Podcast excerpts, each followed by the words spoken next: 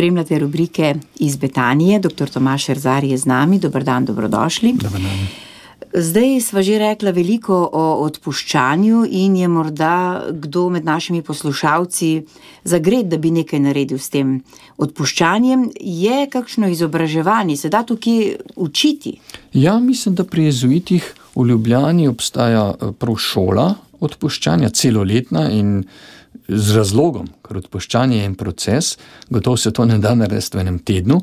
In uh, vodstvo, torej vodenje na tej poti odpuščanja je tudi zelo zaželeno. Se pravi, za, uh, odpuščanje imamo lahko veliko enih stran poti, lahko se prehitro ustavimo in že mislimo. Jaz sem načeloma odpustil, odločil sem se za, za uh, odpuščanje, v meni pa še vendar tli krivica, v meni pa še vendar ena bolečina. Se pravi, stalno rabiš nekega sogovornika ali pa mentorja, ki ti bo pokazal na to. Poglej, ta, s tako vajo, glej se ti vsak dan spomen, ali pa zmol neki za storilca.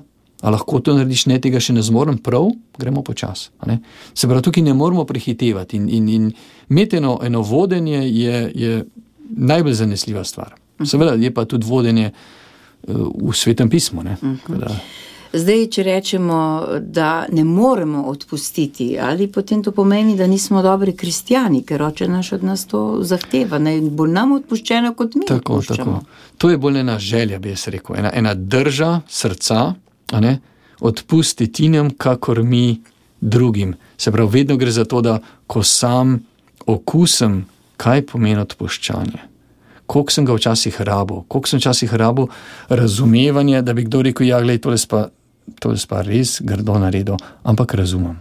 Vem, kako si se takrat počutil, vem, kaj si takrat razmišljal. Glej, ja, ne? ni tako grozen, ampak iz tistega stanja si, pa, si imel pa samo to možnost. Ne? In si to naredil, te razumem, zdaj pa to popravili, pa gremo naprej. Uh mhm. -huh. Se pravi, ne, če, to, če to okusimo, ne, se pravi, odpusti nam, kar se mi doživljamo kot grešne, kot nekoga, ki je tudi rabo odpuščanje, ga bomo lažje dali. Mhm.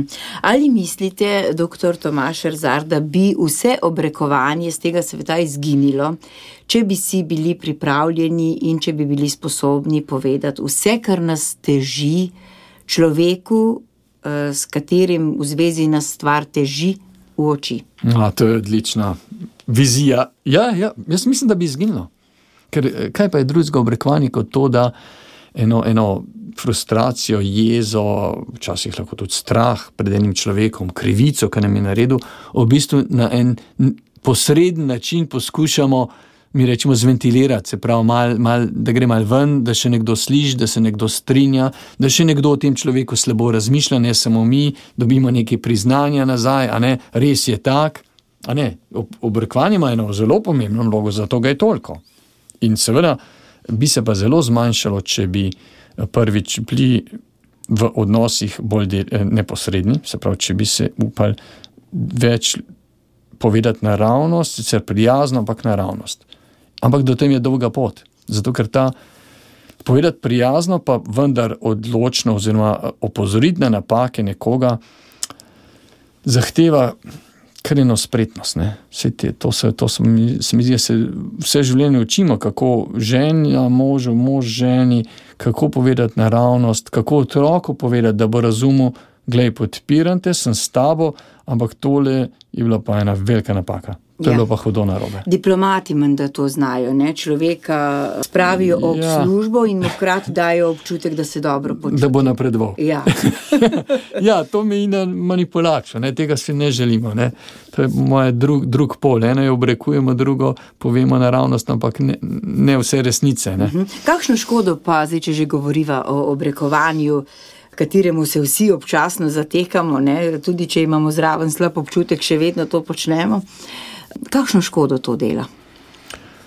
Ja, najprej nam samim, ker tako bi se rekel. Gotovo tudi eh, lahko drugemu človeku, še posebej, če ga obrekujemo ne, ne pravično, se pravi, da, da se še malo zmislimo, ne, da malo pol resnice povemo, pol pa še dodamo. Ne.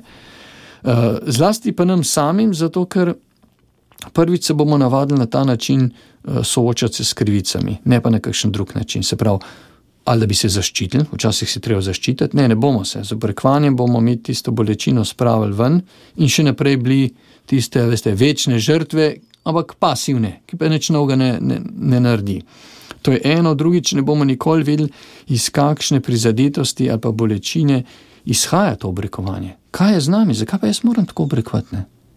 Ja, mogoče zato, ker sem prizadet, v redu.